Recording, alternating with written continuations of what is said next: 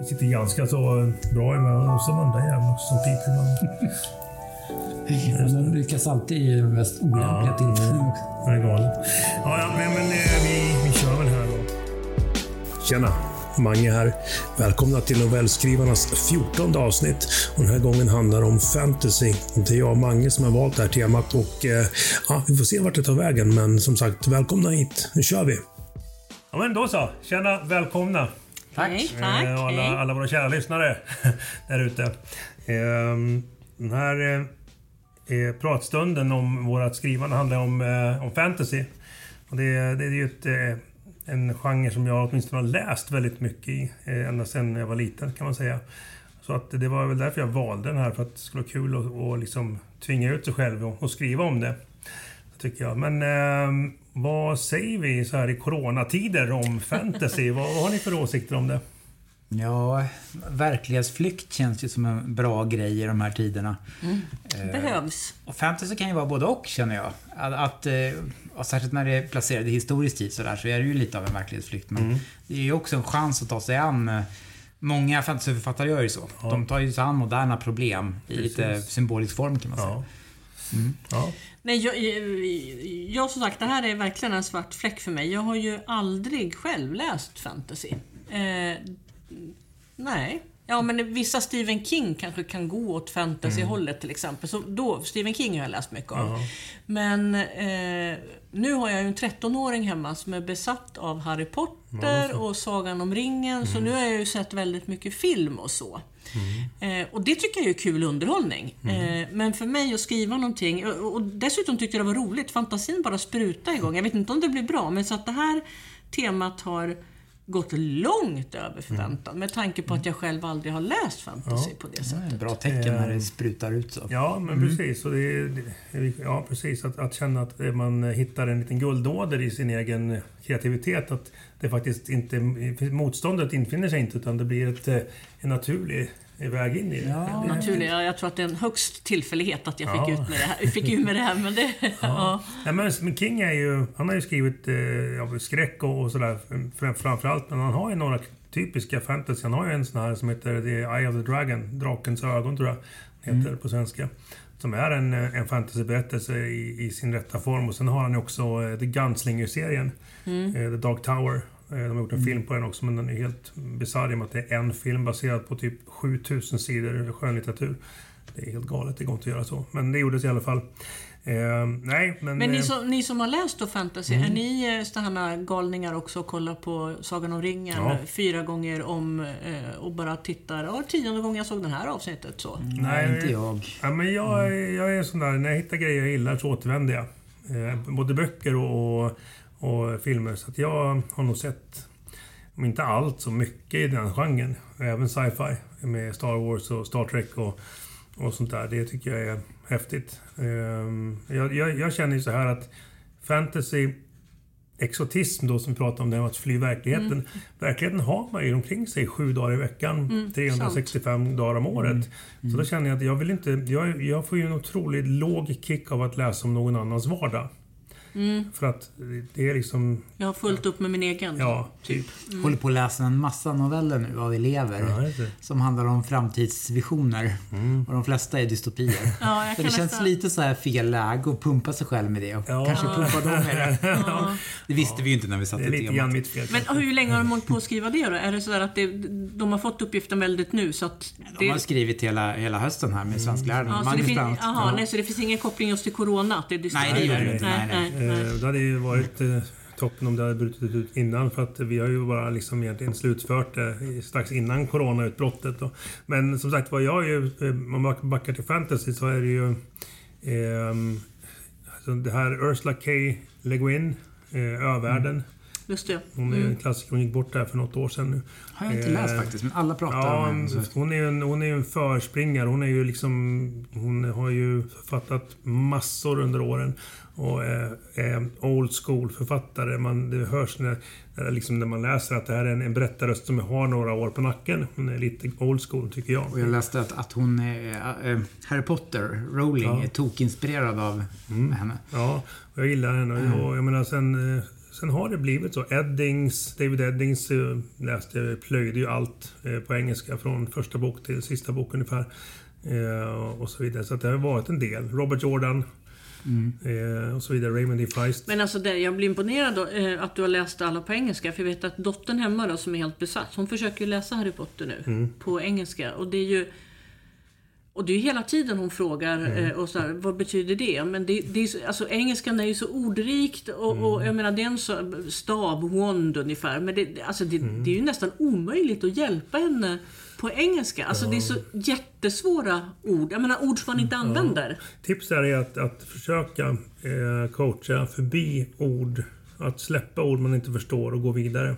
Vilket jag försöker. Ja, eh, precis. annars så bara fastnar det. Men det är så ordrikt och eftersom man då inte är inne i fantasy, jag kan ju inte ens ord på svenska för det eftersom jag inte är inne i den världen. Men Så sen att, är det ju också i många fall, eller i alla fall i Hagrids fall, den eh, stora eh, vaktmästaren. vad man säger. Han pratar ju på Ja. slang typ. Ja, och, och han är dessutom skrivet som han pratar så att hans dialoger är ju eh, på slang. Eller slang, det är ju mer talspråkligt. Så att man, då fattar ju, är man dålig eller svag på engelska, då är det svårt att, att läsa just det. För att då måste man kunna ljuda ordet och förstå vilket det riktiga ordet är. Så det är ju också en liten sån här... Men eh, nej, mina kids de har läst dem där och det, det, ja, det är en bra väg framåt. Så att, eh, kan man plöja på så är det bra. Men fantasy i alla fall är ju en, eh, en spännande utmaning. Och eh, vi ska alldeles strax dra igång och det är Jörgen faktiskt som är, som är starthästen här. Jag ska bara resa på mig och se att mikrofonen börjar dippa lite. Eh, te- tekniska bekymmer. Mikrofonen är lite för, för tung för sitt eget bästa. Ja. Eh, men i alla fall. Eh, ja, vi, vi hoppar mellan eh, lyckliga slut och rymdberättelser och allt möjligt kul. Dödssynder och... Ja, nu ska vi in på fantasyn här och lyssna på, på din berättelse Ja. Jörgen. Så jag säger väl varsågod då. Ja, jag har väl på något sätt lite försökt att både ansluta till fantasygenren och, och lite bryta mot en kanske gyllene regel på den, medvetet. Men vi får se om ni tycker det och om, om det i så fall funkar. Kör! Ja. Irka får besök, heter den.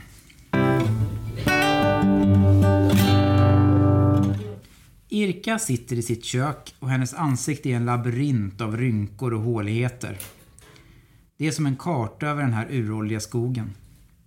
En stor sammetsgeting slår mot fönstret och försöker desperat ta sig ut. Det är för många getingar i år. De går hårt åt bina, lurpassar utanför deras bon och fångar dem i luften.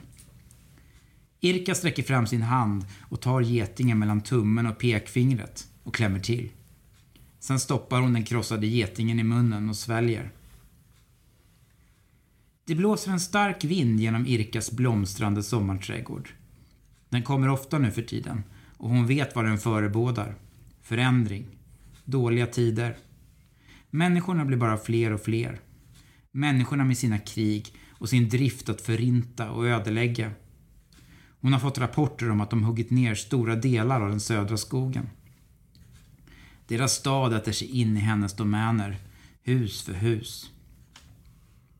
Nu hör hon ljudet av hovar där ute, så de kommer nu. Prins Matterhorn och hans väpnare är utmattade. Nyss stötte de på en hel flock svartulvar i den smala mörka bergsklyftan. Ulvarna hade fångat dem i en fälla och kom från båda håll. Svarta gestalter med lysande gula ögon och blottade tänder. Ett tag såg det ut som att det inte skulle gå. Men Matterhorn lyckades till sist såra ledarhonan svårt med ett hugg över nosen och då drog de sig tillbaka. Väpnaren hade fått ett fult bett över vänstra armen. Tanken var att Matterhorn skulle korsa skogen för att be om hjälp av kung Neo och hans armé. Matterhorns rike var hårt pressat av den blodtörstiga kung Viljus och hans styrkor. Kriget stod och vägde och om kung Neo anslöt till deras sida skulle det kunna avgöra allt. När Matterhorn ser huset i gläntan drar han genast upp sitt svärd. Så här djupt in i skogen måste man vara beredd på vad som helst. Han hoppar av sin häst, går fram till dörren och knackar försiktigt. Det går en ganska lång stund och till slut drar prinsen ner handtaget. Han ser en mycket gammal kvinna sitta där inne i det dunkla ljuset. Inombords pustar han ut. Han skulle knappast ha klarat av en till strid idag. Gamla mor, jag är prins Matterhorn av Powys. Vi är på ett viktigt uppdrag och behöver korsa den här skogen. Min väpnare är sårad. Jag undrar om vi skulle kunna få husrum här i natt. Den gamla kvinnan betraktar honom stilla, men säger ingenting. Matron tolkar det som ett ja. Han går fram till sin väpnares häst, hjälper honom av och leder in honom i stugan. Bor du ensam här, gamla mor? Hon säger fortfarande ingenting och han börjar undra om hon är vid sina sinnens fulla bruk. Men hon är inget hot. Det skulle vara om hon har söner som är ute på jakt eller något. Men den chansen får de ta. Gamla mor, jag och min väpnare kommer att sova här hos dig i natt. Vi kan sova på golvet. Väpnaren sätter sig ner och lutar sig mot väggen. Ingen av dem har sovit något det senaste dygnet. Matron tänker att väpnarens sår kommer att läka om man bara får vila här några dagar. Han börjar ta av sig sin rustning, del för del. Det är varmt och svettigt, så det är väldigt skönt när han till slut står där i sina tunna tygkläder. Irka betraktar de båda männen som tagit sig in i hennes stuga. Hon vet att hon har ett avlägset släktskap med människorna. Även om sådana som hon funnits långt, långt innan människorna kom. Hon beklagar det släktskapet. Men människornas tid är här och inte mycket går att göra åt den saken. Men sin skog ska hon beskydda. Så länge som hon lever och kan. Hon har levt länge och hon vet att ibland väljer ödet en annan väg än den som verkar utstakad. Hon reser sig mödosamt upp och går fram till skåpet. Tar fram en flaska med ljust innehåll och två bägare av tenn. Den friska människan har tagit av sig sin rustning och sitter på knä framför den skadade människan. Hjälper honom av med sin. Hon vet vilken ulv som tillfogade det såret. Hon vet att den ulven slickar sina sår just nu. Den gamla kvinnan går fram till Matterhorn med två bägare och ställer dem på golvet framför dem. Hon måste vara riktigt urgammal. Hur har hon klarat sig själv här mitt ute i skogen? Med ulvarna som jagar på natten. Med trollen som man vet finns här.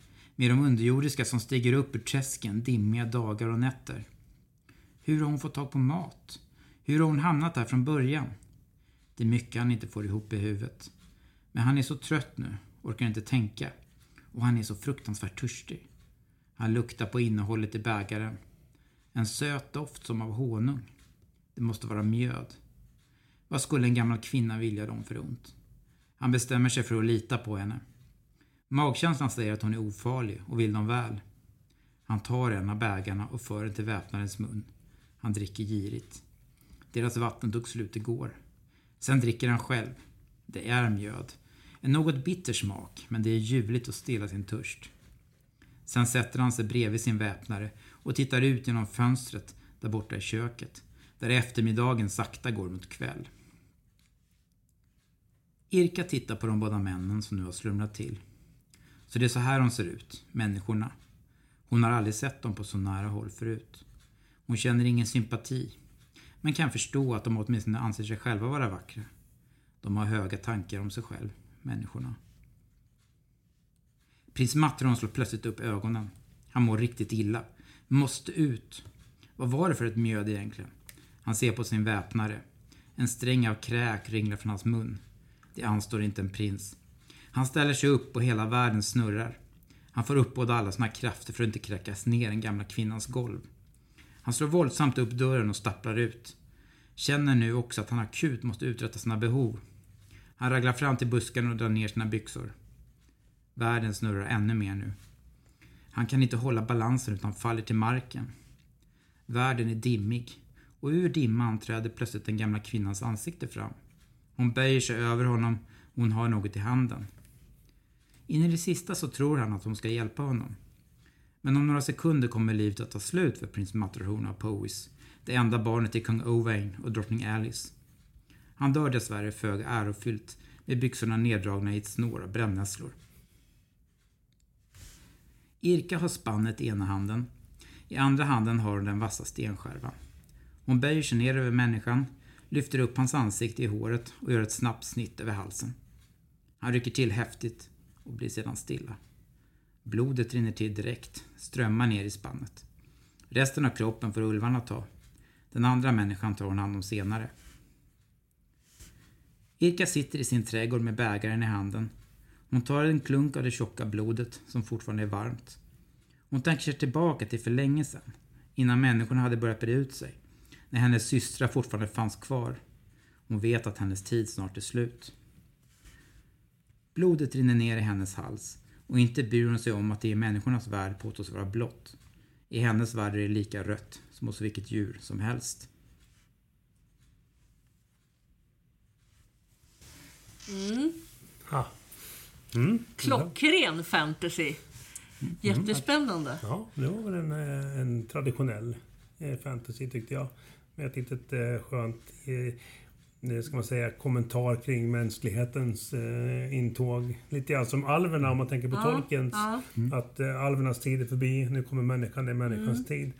Eh, och att man då ångrar sitt släktskap med, med denna varelse. Så det var lite, eh, ja bra. Och jag tyckte att du målade upp själva miljön. Där hon satt och liksom i skogen och huset. Och, eh, verkligen en miljö som jag kunde gå in i och nästan vara var en del i själv. Bra. Så jag tror det var väldigt bra. Klockren fantasy. Nice. Ja. Vad jag tänkte lite var sådär liksom att bygga upp en hjälte. Nu var det så lite utrymme man hade på sig. Men eh, bygga upp en, en, en eh, prins, en hjälte som liksom besegrar allting. Och sen stöter han på en gammal kvinna liksom. Just det. Som han med sin manliga blick, eller med sin hjälteblick, helt direkt avfärdar som totalt ofarlig. Men det är den här klassiska eh, m- eh, motkraften också. Alltså, Det är en motsättning mellan dem so- som vi förstår någonstans när jag lyssnar. Men han förstår ju inte det. Men man förstår ju att det kommer bli. Den här gamla damen är ju farligare än vad han själv tror. Ja. Så att man går ju bara och väntar på eh, att han ska upptäcka det. Ja. Ja. Och det gör han ju väldigt sent. Ja. ja. För sent. Ja. Too late. Ja, micklar med tekniken igen. Eh, Mikrofonen är lite för... Men hade du svårt att, att få ur den här? Eller hur eh, gick det snabbt att hitta, hitta dit? Alltså, när jag väl började skriva så gick det ganska snabbt. Men det tog ganska lång tid innan det kom upp någon, någon idé som, som gick att göra någonting av. Liksom. Men vart fick du inspirationen ifrån? Ja, jag, jag har märkt att, att en hel del av det jag skriver, som jag läst upp här också, det barkar åt ett visst håll. Men just att Irka, hur fick du namnet och... Jag menar hur liksom... Det är väl inte kvinnligt manligt här. Det, det är min ingång på det. Liksom. Typ och, som och Kim. en, en mansbild Ja, som eh, håller på att spricka i stort tror jag. Också en fantasybild av den eh, stora starka manliga hjälten som, eh, som kan besegra tre miljoner orcher utanför en skråma. Liksom. Det var lite min ingång på det. Att bygga upp en hjältebild och sen låta honom bli totalbesegrad av en, en gammal kvinna som han inte ser som något hot alls. Ja, precis. Lite grann som, eh, vad heter han, eh, Eyvind Jonssons Strändernas vall när man får träffa på en eh, sönderslagen och härjad Odysseus på väg hem från kriget.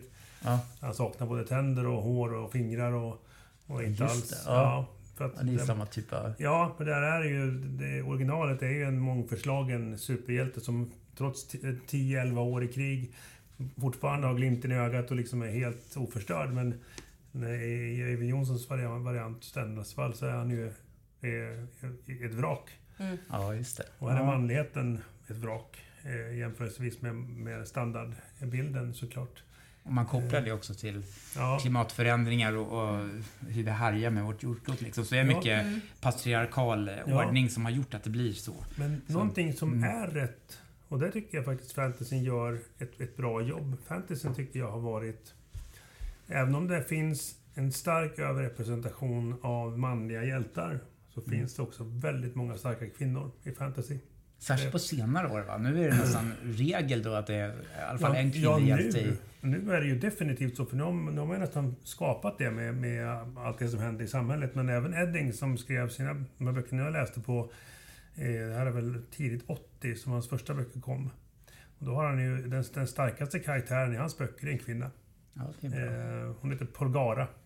Eh, och hon är, hon är ett rivjärn och eh, superduktig och, och Mm. kraft, kraftfull i sin magiska kraft och allt det här. Så att det, där har fantasyn. Jag har inte läst honom, men, men tolken däremot tycker jag har en ganska eh, mossig. Eller liksom, d- där är det ju männen som är de stora starka Mm. Ja, hjältarna. ju- Kvinnorna är, är vackra och Ja, ja. upphöjda. Älvlika. Ja. Ja, i böckerna så är det väl inte någon direkt fokus på kvinnorna överhuvudtaget. va, Utan de, är- de är bifigurer på sin höjd. Ja, precis. Men jag tycker att det är lite spännande det med... För när jag skulle närma mig det här så tänkte jag, jag lite panik sådär. Men Mm, jag skrev ju min magisteruppsats skrev jag ju om vicka. Alltså Mm. det som man kan... Häx, häxor och sånt. Häxor och sånt. I, i religionshistoria så skrev jag om vickor och gjorde en jämförelse med moderna. Ja, strunt samma. Men så för mig blev det då bara att... Mm. Och det, är ju, det finns ju män också som är vikaner. Mm. Men, men, men, men det, är ju, ja. det är ju liksom en naturrörelse. Och jag gjorde, ja. Men, Det är så att- inspiration till din Ja, novell. precis. Och Ja. det var då som jag tänkte att nej, jag ska självklart ha en kvinna. Ja. Eftersom mina vikaner som jag hållit på med och läst om i religionshistoria är oftast kvinnor. Men du, spännande. Jag tror att vi gör så att vi, Mm. vi hoppar rätt in i, i vikanernas värld då, då. Så varsågod Lotta.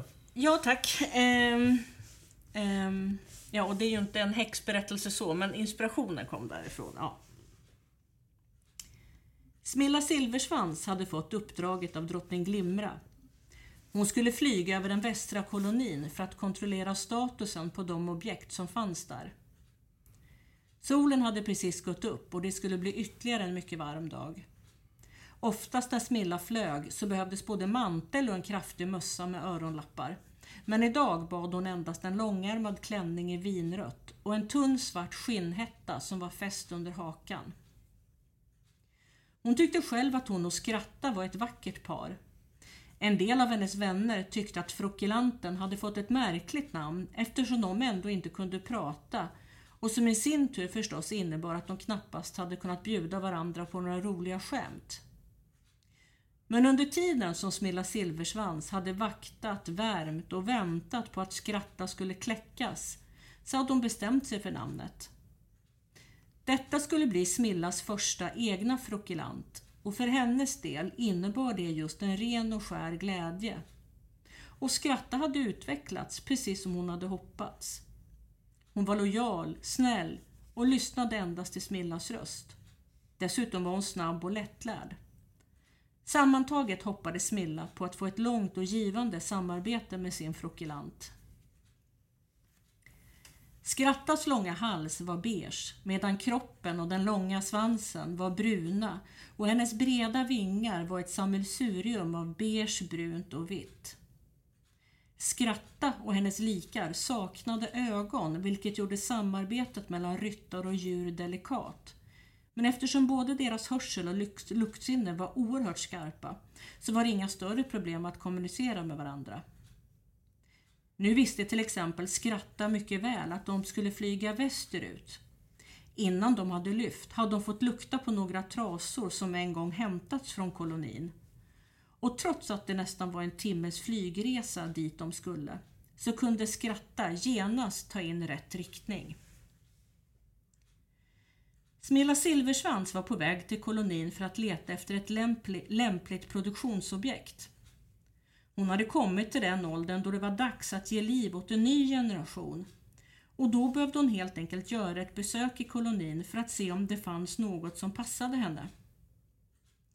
Det skulle inte bli lätt att finna det perfekta objektet eftersom hon visste av sina väninnor som varit där före henne att det fanns många unga, vackra och atletiska objekt att välja på eftersom inga av objekten tilläts leva efter sitt 30 år. Objektet ansågs då nämligen ha passerat lämplig ålder för att få delta i produktionsceremonier.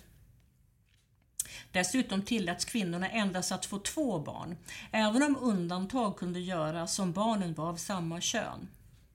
Och när objekten då hade fullföljt sin produktionsplikt så kasserades de.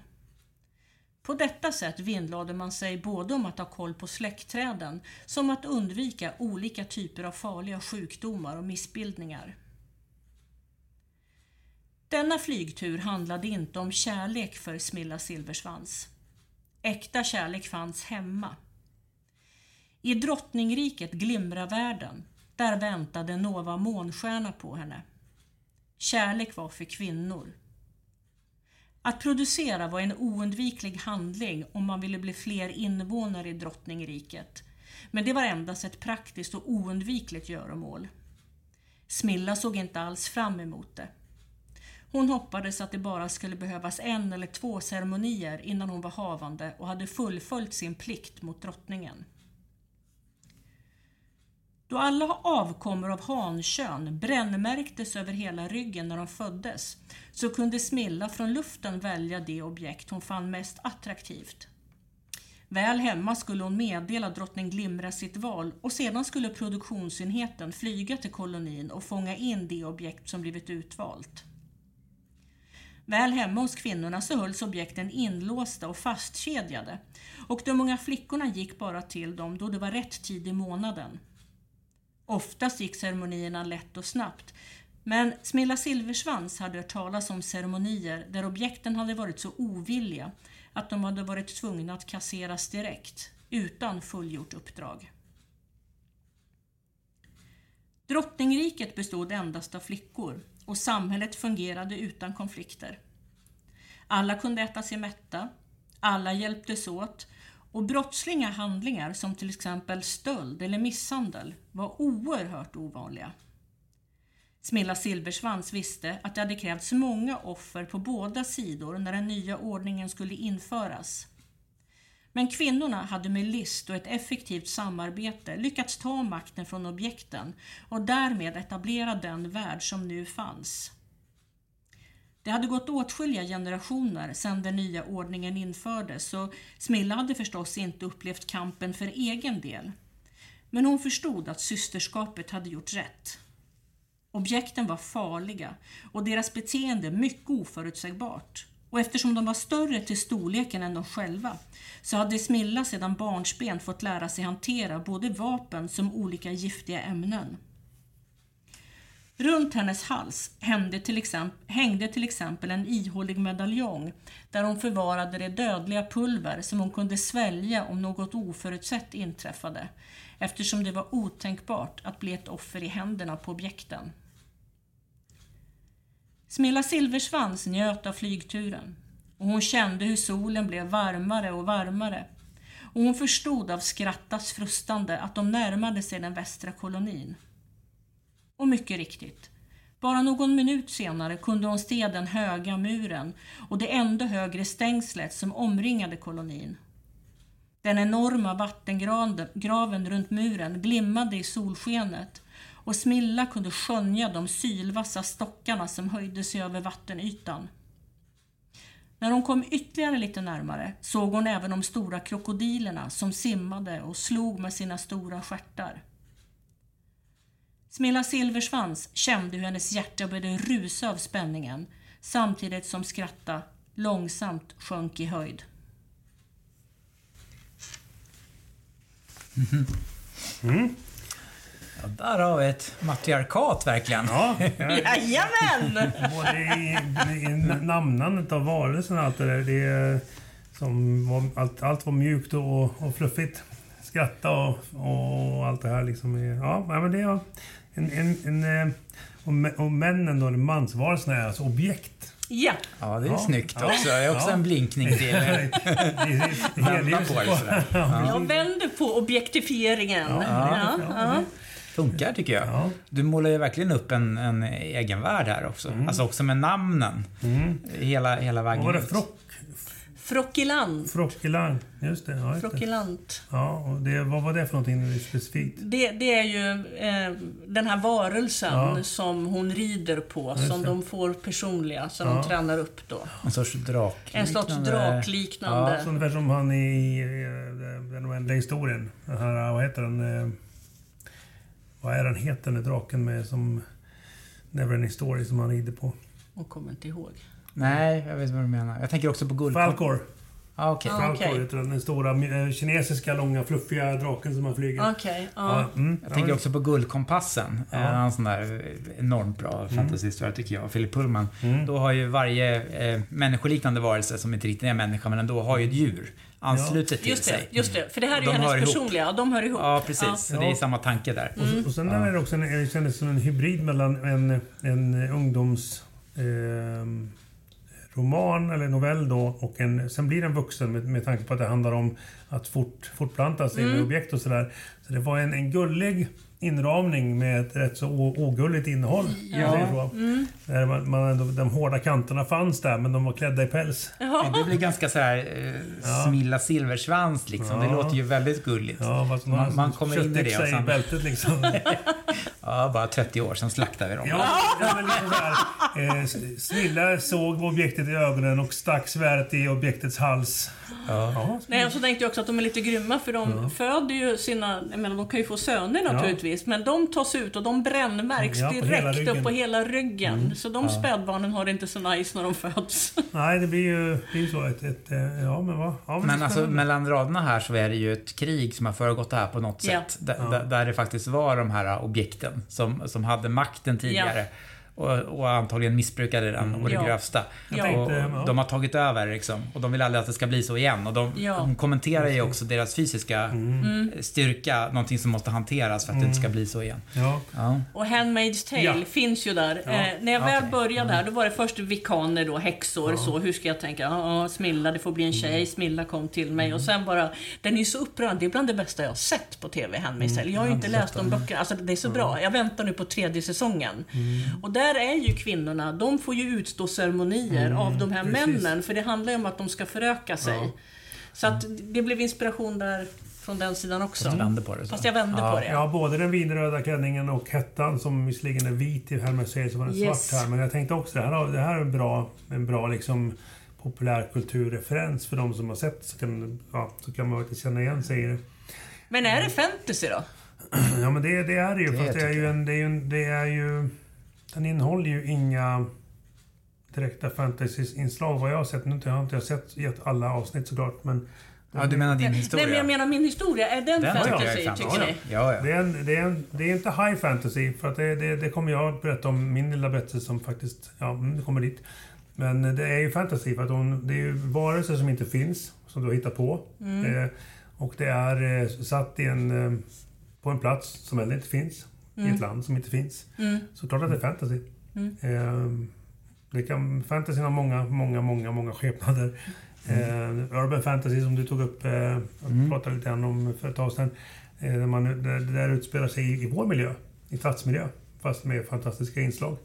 Eh, med ja, trollkarlar och, och allt möjligt. Hur ska vi tänka på det jag tänker Jonna Ajvide där med han låt den rätte komma in? Ska, vampyrhistoria i, i, i Stockholms förorter. Ja, i Blackeberg tror jag det är, va? Eh, Är det fantasy? Hur skulle ni... Det är skräck, tänker jag. Skräckfantasy? Ja. Finns det en genre? Men han närmar sig ju också, det här tänkte jag säga förut och glömde bort det, men att jag läser aldrig fantasy längre, men jag läser sånt som eh, bl- hopkok, eller där Mm. de blandar olika. Neil Gaiman är också en sån. Han blandar ihop skräckgenren med fantasygenren, Mm. Också med humor. John Ajvide Lindqvist är också så tycker jag. Att han, han, han bor ju i skräckgenren på något sätt, Mm, men han lyfter in fantasy-element i det. Det där blir ju vanligare och vanligare, att det blandas Mm, upp liksom. Tycker jag i alla fall. Ja, nej, men vam- vampyrerna är ju, är ju en, ett, ett, ett väsen. Det är ju demoner. Mm. Själlösa. Så det är, det är ju ett fantastiskt inslag såklart. Sen så är ju, utspelar sig väl de allra flesta vampyrberättelser i våran värld. Så att det, är, en- det. det är en hybrid också. Eh, och det är väl ett kristet för, en kristen förlaga till hur vampyren först uppstår. Eh, När Gud överger och, och eh, mannen i fråga svär att hämnas allt och alla i evig tid. Amen, säger jag. Och sådär. Så det är klart att det är, det är delvis så.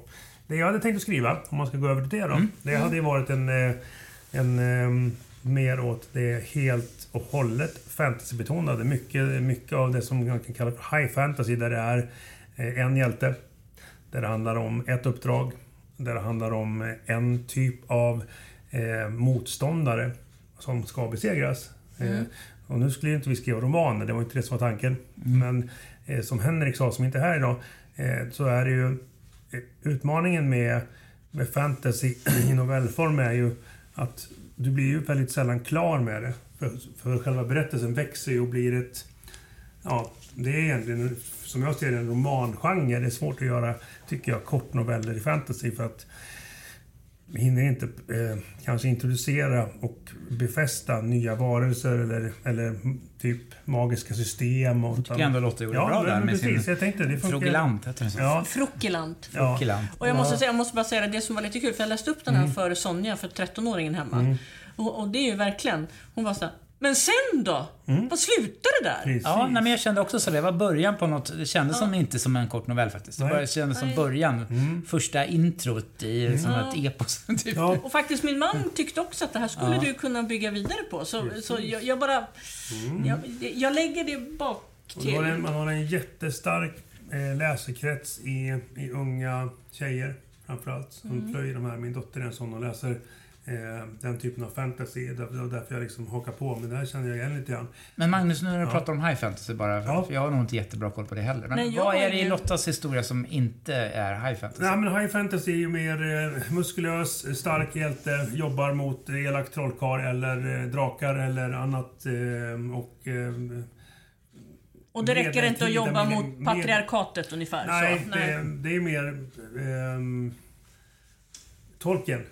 Alltså, Mm, alltså Det, det, det, det medeltida miljöerna, eh, svärden, eh, riddarna, trollkarlen. Eh, det är ju Okej. mer high, som jag ser high fantasy. Det här eh, det följer ju vissa, det är nästan som form, formsaga liksom, att det finns givna... Men då är Jörgens mer high fantasy då? Eh, ja. Det är mer Utifrån high den definitionen. Ja, eh, och det som jag hade tänkt skriva var ju en sån, men i novellform så insåg jag, det var kanske det som fällde mig också när jag väl satte mig och skri- för att skriva min idé, att jag... Jag hade ju inte kommit ur skogen, om man säger så, Mm. förrän jag kände att nu måste jag sluta. Mm. Så att jag tänker berätta om hur min, min, min synopsis, kan man säga, Mm. hur jag skulle ha skrivit. Eh, Och, och ni får, I det här så är det ju ingen uppläsning, så här får ni gärna eh, delta, för att det här är ju ingen, som sagt ingen uppläs, upplösning. Men jag bestämde mig snabbt för en hjälte. Eh, inga andra personer utom min hjälte. Och det var en, en, en eh, mansperson. Det blev det. Det hade kunnat förändras om jag hade kommit vidare i det och bearbetat det. Men det blev en, en ganska identitetslös eh, man som har ett uppdrag att ta sig till ett ställe. För han vet om att vid det här stället så finns det ett vapen som gör att det problem som han har blivit utsatt utsedd att lösa det, skulle lösas med hjälp av det här vapnet. Tänk er svärdet i stenen med kung Arthur-legenden. Att det, det, finns, det finns en uttalad hjälp att få om du bara tar dig dit. Så att min eh, hjälte i det här fallet då eh, kommer, den börjar in medias res i skogen. Eh, och eh, min tanke var då att han ska spendera en liten del av berättelsen i skogen. Och det är en urskog. Så den är tät och den är mörk. Att han kommer från dagsljus in i mörkret. Och det blir bara mörkare och mörkare i den här skogen. Så det är liksom vägen till målet? Det är inte... Det, det är Målet väg... Precis. Ja, mm. det, målet, vägen är målet kan man säga. Ja, så. Mm. när han väl kommer fram så är det en väldigt kort del av novellen. Det är väldigt kort. Mm. Så att han, han tar sig in i skogen, han vet vad, att han måste framåt. Det här borta bör det finnas det jag söker. Så ju längre in i den här skogen han kommer, desto mörkare blir det.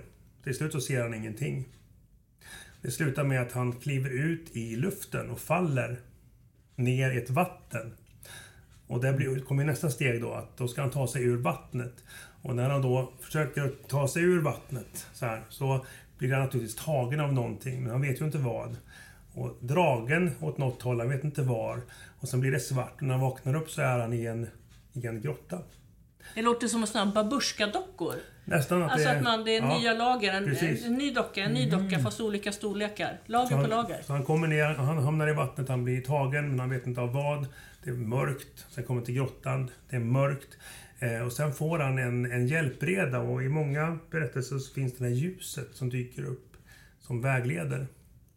Nästan som ett skogsråd. Det kan leda dig vilse och det kan leda dig rätt. Du vet inte vad, men i det här fallet så leder ljuset den här personen rätt genom, genom grottorna. Är inte det Eh, någon hobbit? Att han har någon stav eller någonting som man får av alverna va? Ja, den här har, kan du använda ja, det är för att i lysa. Sagan om ringen så Ja, får det är du- Sagan om När orchen är i närheten så... Ja. så Och- lyser den. Är det så? han får just Ja. stjärnljuset från någon stjärna va. Som han Ja. tar fram och sådär mm. va. Och hans I Sagan om svärd ringen, lyser- jag blandar ihop alla. ja. Ja. Hans svärd lyser ju också blått när... eh, Det, Ja, det var det jag tänkte på. Just det. Sen han en Ja. liten flaska också av, eh, vad heter det, Galadriel, eh, The Lady of the Forest eller vad hon heter. Mm. Eh, en liten flaska med stjärnljus. Här har du ljus när allting annat är mörkt ungefär, säger hon va. Mm, det är nog den jag Eh, tänker på. Ja. Så att han får hjälp av det här ljuset, det får han redan i skogen. Han ser Mm. det här ljuset och, och tänker att jag, jag, jag kommer ju inte vidare om jag inte följer Men han någonting. vet att ljuset är riktat för honom, för, för ja, hans hjälp. Ja, alltså det, min tanke var ju att han, han, har gått, han är inne i skogen. Ehm, och han började liksom tänka att okej, nu, nu ser jag ingenting. Jag är förkörd. Ja, det här är mitt slut. Det här, det här tar min berättelse slut. Jag kommer förlora allt jag har satsat och mitt kungarike förlorat. Eller vad det nu var vad han skulle rädda. Va? Men har han mänskliga känslor? Är han rädd? Kan han uppleva Alltså, skräck? grej- eller? nej, men det är lite grann också åt eh, high fantasy-hållet. Det är lite okänsligt. Det är inte så mycket känslor, eh, rädsla och sånt där. Nej, det, det struntar vi alltid i. Utan Mm. här, är, här är det mer bara eh, hårdkokt kan man säga. Mm. Det, det, det, Hjältarna i high fantasy, som jag ser det, har ju väldigt sällan samvetskval över, över saker är som åt görs. gudasagehållet. Det är lite Ja. Odysseus Ja, lite så över- tänker jag. Och, och, de, och, det, och det blir också ganska enkelt i sin form. High fantasy är ganska, tycker jag, enkelt just hur det är uppbyggt. Alltså svartvitt mer? Ja, för att när det här ljuset kommer, det är klart att det kan, det kan ju leda honom vilse såklart. Men han är ju en- i en, en skog som är så mörk att han inte ser. Och hans enda chans att, att komma någonstans till att följa ljuset, så han väljer ju snart, direkt utan eftertanke att följa det. Vi som tänkande individer tänker ju, det kan ju vara en lur. Det kan ju vara något, något farligt. Men han följer ju, och det är också ljuset som får honom att trilla ner i vattnet. För att han leder ju framåt och när han väl är i vattnet så tar han sig ju därifrån med hjälp av att han blir tagen av någon. När han kommer upp i grottan där i mörkret så kommer ljuset tillbaka och leder honom in i en jättestor eh, sal. Eller ja, enorm sådär liksom. Så han, han kommer ut och så ser han ljuset och så ser han hur det bara det är bara skatter överallt. Det är så här, kistor med juveler. Men han låter ju som han är instinktiv, att han agerar instinktivt, att han inte gör några medvetna val. Att det är någon annan som styr ha handlingen framåt. Ungefär Ja. som en, en gud. Ja, det, är, det är väl lite grann det som just det. eh, Han, han resonerar inte så mycket. Han ger inte... Han skulle inte ha gett läsaren så mycket eh, funderingar. Det är, ganska, det som sagt det är en enkel dramaturgi. Att han, det är ganska få sidor som spenderas på det som kanske i en mer modern fantasy eh, text skulle bli mycket mer eh, komplext. Det här är okomplext. Han klarar stegen, det går ganska fort. Det, lite, eh, det rastar till. Han kommer också i, skulle komma i slutet när draken uppenbarar sig i den här stora, stora, stora Men det är ju inte han som styr skeendet, det är det jag menar. Jodå. Alltså det är, men det är enkelt. Man får tänka enkelt. Det, Men jag tror jag förstår vad Lotta är inne på. Det, Ja. det känns lite som att han prövas på något sätt. ja, Att det, Ja. han utsätts för utmaning efter utmaning. Det är någonting som har koll eh, ovanifrån på något sätt. Ja. Och, Ja, så kan det vara. Men det får Ja. man ju aldrig riktigt reda på i så fall. För att han, när han kommer in i den här salen, eller vad det nu... Om ni tänker er att, att han är hundratals meter i diameter, den här den stora utrymmet han kommer in till. Eh, och sen när han väl börjar liksom se sig omkring och det här ljuset då lyser upp så ser han att här finns det ju en, en drake, för det är ju klassiskt för, för high fantasy, någon typ av skattvaktande bäst. Eh, så han, eh, han befinner sig där inne och börjar liksom att leta. Jag kanske, jag kanske är ändå på rätt ställe liksom. Han börjar leta efter det här, det här svärdet som man ska ha. Eh, på vägen så hittar han en, eh, en ringbrynja, du vet sån här eh, typ skyddsutrustning för riddare. Eh, en sköld och en hjälm. Men han har inget svärd. Svärdet Men han tar på sig det, så han, Ja. han, han, det här är riktat till mig, eller han Ja, tolkar, eller ja, han bara tar på sig det. Ja, han, och det är naturligtvis ett, ett, en device, då, en plot device, att han, det hör till. Det är bara svärdet som saknas. Så han hittar det där och sen tar han på sig det. Och sen börjar han leta efter svärdet. Men vem är det som sitter på svärdet? Och det är Draken. Ja. Och draken är naturligtvis intelligent. Så draken Mm. konverserar. Och det här kommer slutet då. då. Draken talar om för, för via tanke. För drakmunnar kan ju inte gärna prata. Så att det är ju via telepati då. Talar om för dem att Hej, vi har inte... ehm, jag har inte besökare så ofta. Ungefär menar draken på. Eh, men eh, ni ska veta att eh, det är kul att du är här. Och jag vet också varför du är här. För draken är ju ett överlägset... Eh, Men det är lite allvetande gud över Ja, det. ja, Ja, Och, och, och, och, men det vet ju inte han som står där i sin Nej. nya eh, hjälm och, och sköld och sådär. Så att han... Och han reflekterar inte heller över att det kan ha varit någon annan där. Nej. Som då blev uppäten eller blev av med sin eh, sköld och brynja. Ja, i, i slutet så kommer det ju, när, när draken säger Jag får inte ofta besökare hit. Ja, just det. Ja. Då menar Mm. draken på Indirekt, att det är ja. väldigt många av din typ som fastnar i skogen. Som Ah. fastnar i vattnet. Som fastnar i grottgångarna på vägen hit. Men han har ju fått hjälp av det ljuset. Mm. Och det betyder att han är värdig för att komma dit. Men det betyder fortfarande inte att han är klar. För draken Nej. kommer ställa vissa krav på honom och vet exakt vad han vill. Och är han osann och falsk så kommer han hamna på benhögen. Mm. Men naturligtvis så är han varken falsk eller annat. Han är en ganska simpel eh, typ muskelprins som ska hugga, hugga någonting, göra någonting med sitt svärd. Så att han vinner svärdet och tar sig tillbaka. Men i, i och med att det är en novell och det, går inte det, det kan lätt bli en, en, en roman av en sån här tråd. Så skulle ju det sluta med att han, att han får svärdet. Den, sen så får det hända vad, vad som händer. Men man förstår ju att med rustningen och, och det här och svärdet så är han den som kommer att i sant Harry Goodkind-anda bara vända hem och hugga ner. Och så är det klart. Ja. Så Och fick han förmodligen den vackra prinsessan Ja, men på lite så. hemmaplan Och också. det, det, jag ville ju bara liksom in och leka i det, men när jag väl satt mig och skrev så märkte jag att fy fan vad fattigt det blev. Och, och, så jag, jag fick ingen flow. Jag fick tvärt emot vad du fick, så fick jag en anti-flow. Mm. Så mitt dokument här, det är tre sidor långt med typ bara... Det är när jag berättar för mig själv vad jag vill berätta. Det är det jag har. Det blir, jag fick inte, fick inte fart i det just vad det gällde det, det litterära. Eh, innehållet finns där. Men inte, inte så, så som jag skulle vilja ha berättat det. Så det är en lärdom igen.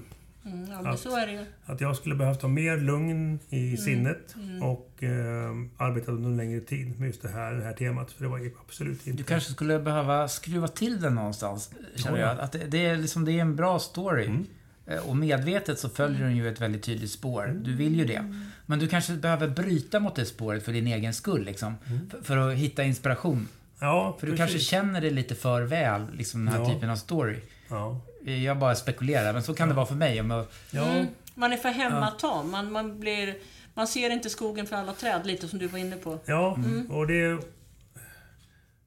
Och det är sånt där som jag tror... Det är det som hamnar i den här skrot, skräpkorgen som, som eh, vårt förra avsnitt eh, handlar om. Som eh, är, är publicerat före det här. Så att, eh, att, att sånt som vi har skrivit men som aldrig blir, som aldrig blir klart.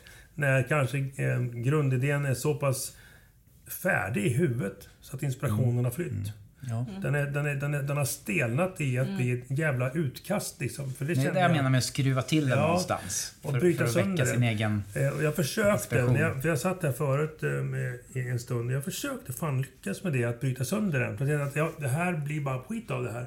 Jag te testar bara och knäcker av den här och sen sätter jag honom på en häst. Får se vart han tar vägen. Men han hamnade i den där skogen i alla fall till slut. Så det, Men, men så här är det ju med skrivprocesser och sen eh, också eftersom ja, vi är ju yrkesarbetande, vi har barn och familjer. Eh, eh, jag vet inte, men det kanske skulle vara annorlunda om man nu hade, jag menar, kunde försörja sig på, ja, sitta hemma hela dagarna och ha den ynnesten. För då kan man ju skissa på massor med utkast och slänga och så. Men Ja, det här, det här får ju bli, och jag tänker också för våra lyssnare, att det får bli vad det blir. Och har man må- många andra saker som händer i livet och det här är ändå en fritidssysselsättning, Ja. då måste man klappa sig själv på axeln ändå och säga att nej men, good try. Det, Ja, det var god. Och jag, jag hade ju också små grejer som att jag, hade tänkt att skogen var en urskog, åldrandets skog, kallar draken den för. Och det som killen som går in i skogen märker efter ett tag när han råkar snegla på sin arm är att hans, hans annars svarta armhår har blivit grått. Och när han ser sig själv i, i eh, ett, ett typ vattendrag där han sen kanske också ramlar ner så skulle han se att han har åldrats i skogen. Han har inte varit där med i kanske 45 minuter, vad vet jag. Men han börjar bli gammal i skogen. Och sen så, men ja, det blev liksom, det fanns, det fanns goda idéer och de, de blev det dessutom. Eh, Men som sagt, det här kan man ju ta tag i vid ett annat tillfälle. Du har ju en grundidé Ja, där. nej, men absolut. Jag, det är spännande med slutet där. Mm. Alltså om du följer en, en eh, rak linje hela vägen. Mm. Traditionell linje, man vet precis vart man är på väg någonstans. Och sen så gör du någonting annat på slutet. Ja, det är det. någonting med draken där. Ja. Där skulle man kunna Jag vet inte hur riktigt. Jo, men det skulle kunna vara att han... eh, Att, eh, lite grann som Sfinxen i eh, oraklet Delphi och allt så här. Att, att draken är bara en, en, en skepnad som han ser för att han förväntar sig att det ska vara en drake. Liksom att det är en illusion eller att, eh, att det visar sig att det är ingen drake. Det är en, det är en, eh, en häxa. Eller det är Ja, det är lite så med de här Balushka-dockorna. Ja. Alltså den tanken också. skal. Om det är någon som, någon, som sadistiskt liksom eh, står lite ovanför och leder in honom i olika typer av prövningar och när han väl kommer dit så... Ja, då händer någonting som, som han aldrig hade kunnat förvänta sig. Minotauren jagar honom. Han kanske Nej, blir men- den nya draken liksom. Jo, på något sätt. och, och, sen, men sen också liksom, Den blir återigen, hade jag haft tid och, och, och sådär och lite mer kraft i huvudet så, så hade jag väl säkert sett till att skapa en viss spänning i att jaga honom. Mm. Att han har något som jagar honom i skogen. Jaha, men vad tycker du nu då? Tycker du att vi löste det här någorlunda med fantasy? Jag tyckte ni var skitduktiga eh, och det, är väl det som jag tycker är den stora, eh, vad heter det, mm, vinsten i att bestämma tema. Det är att se hur de som drabbas av temat löser det. Ja, verkligen rätt Eh, drabbas. Ja, för det är ju så faktiskt. Att jag, jag har ju kört fast på, jag tror det är tredje temat nu som jag faktiskt eh, ryker på. En var Gud och en var... Jag kommer inte ihåg vad det andra var. Och sen mitt eget tema här nu med, med fantasy som jag... Var rysare va? Eller skräck? Ja, det var det va? Eller nej, men det hade du ju skrivit, men du Ja. tyckte det var svårt. Ja, Det, precis. Ehm, och ja, så är det. Det är, det är kul att se hur ni, hur ni gör. Det är roligt. Ehm, och, eh, men i alla fall, vi har ju hållit på ett tag här nu. Ganska mycket snack har det blivit. Och jag tycker att det utvecklas. Jag tycker att det jag hör från era, Jätteroligt. era eh, så att säga, pennor eh, ehm, håll så, så händer det saker. Det är kul. Ehm, både hur ni berättar om eh, framför mikrofonen så här och eh, ja, vi blir bättre och bättre på att läsa upp och känna det. Och det här är ja. så himla roligt. Jag verkligen ser verkligen fram emot det. Jag tycker att allt som händer nu i världen och... Alltså det här Mm. är verkligen ett ljust andningshål. Att man får bara gå in i sig själv och skriva. eh, Inget styr... Alltså, åh, man kan slippa alla nyheter. Alltså Mm. det är jätteroligt. Och som träffar er som tycker det är lika kul som jag själv. Det Plus det här med deadlines alltså. Det, Ja, det med räddar ju mitt ja. skrivande. Ja. Jag skulle antagligen inte ha skrivit eh, Nej. nästan en rad utan det här. Men hur är det nu då Jörgen? Du Mm. har ju ditt nästa tema. Ja, Eh, berätta. eh, Ja, Nästa tema är dröm. Mm. Eh, inte dagdröm, utan det handlar om den nattliga drömmen. Och den ska vara väldigt viktig i en novell. Det ska ju typ vara hjärtat, det det liksom utgår från.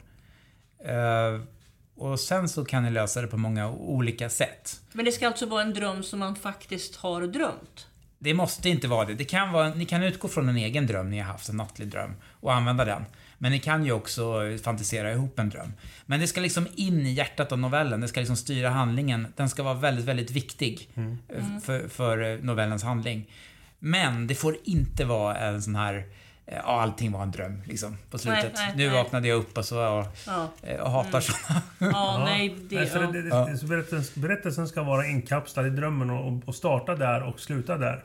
Det, det måste inte vara så. Alltså, det kan börja på annat sätt. Men, men eh, alltså i mitten, någonstans i novellen så finns den här drömmen som, som blir väldigt viktig. För Den ska vara bärande för Ja, berättelsen.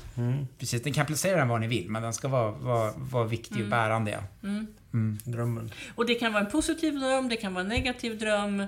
Men den ska bära. Ja, precis. Ja. En guldstjärna om man faktiskt kan använda en egen nattlig dröm från och med nu liksom. Någonting man drömmer på natten och skriver ner. Jag ska försöka göra så. Jag har faktiskt en eh, klassisk dröm som, eh, som eh, jag har haft återkommande som jag kanske ska göra någonting av. Ja, Kanske. Spännande. Ja, precis. Jag vet, jag vet ju vad som triggar mina drömmar så jag, kan ju, jag kommer ihåg dem därför. Ja. Över, överkonsumtion av eh, underhållning till exempel gör ju att jag, att jag Ja. drömmer. Typ om jag ser på väldigt mycket eh, en, en viss typ av TV-serie så, så färgas mina drömmar starkt av det. Och, ehm, ja, precis. Eh, Sånt som är starka känslor överhuvudtaget. Liksom. Ja, men det är det som är liksom man brukar prata om, om drömrest. Mm. Det är någonting som börjar väva drömmarna. Det är ju ofta någonting man varit med om under dagen eller det kan vara någon, nå- någonting man har sett på någon serie eller någonting. Det börjar spinnas där omkring men sen kommer det in en massa konstigheter ofta Ja. som vävs ihop med ens eget liv. Så Men det absolut. finns en skenbar logik liksom Ja. i den. Som, det måste ni inte in i men det, det är jättespännande tycker jag. Ja, men. Men drömmen ska vara bärande. Det var Ja. ju en bra sammanfattning som du sa. Ja men grymt. Eh, då hoppas vi att eh, världen står kvar eh, nästa gång vi, vi, vi kör. Och då, som sagt var handlar det om drömmar. Men för nu så tackar eh, Mange Fantasy Temagubben eh, för att ni ställde upp och skrev mitt tema. Och eh, vi ses nästa gång då. Det är vi. Ja, ha det gött! Hej då! Du har lyssnat på novellskrivarnas 14 avsnitt där temat var fantasy. Jörgen och Lotta levererade två klockrena berättelser medan jag, temats ägare, inte lyckades ro i land min idé. Jag fick helt enkelt berätta om den som en synopsis, men hur som helst, vi klarade av det på lite olika sätt. Nästa tema som Jörgen står för är ju, som han berättade, drömmar. Vi ses när det är klart. Tja!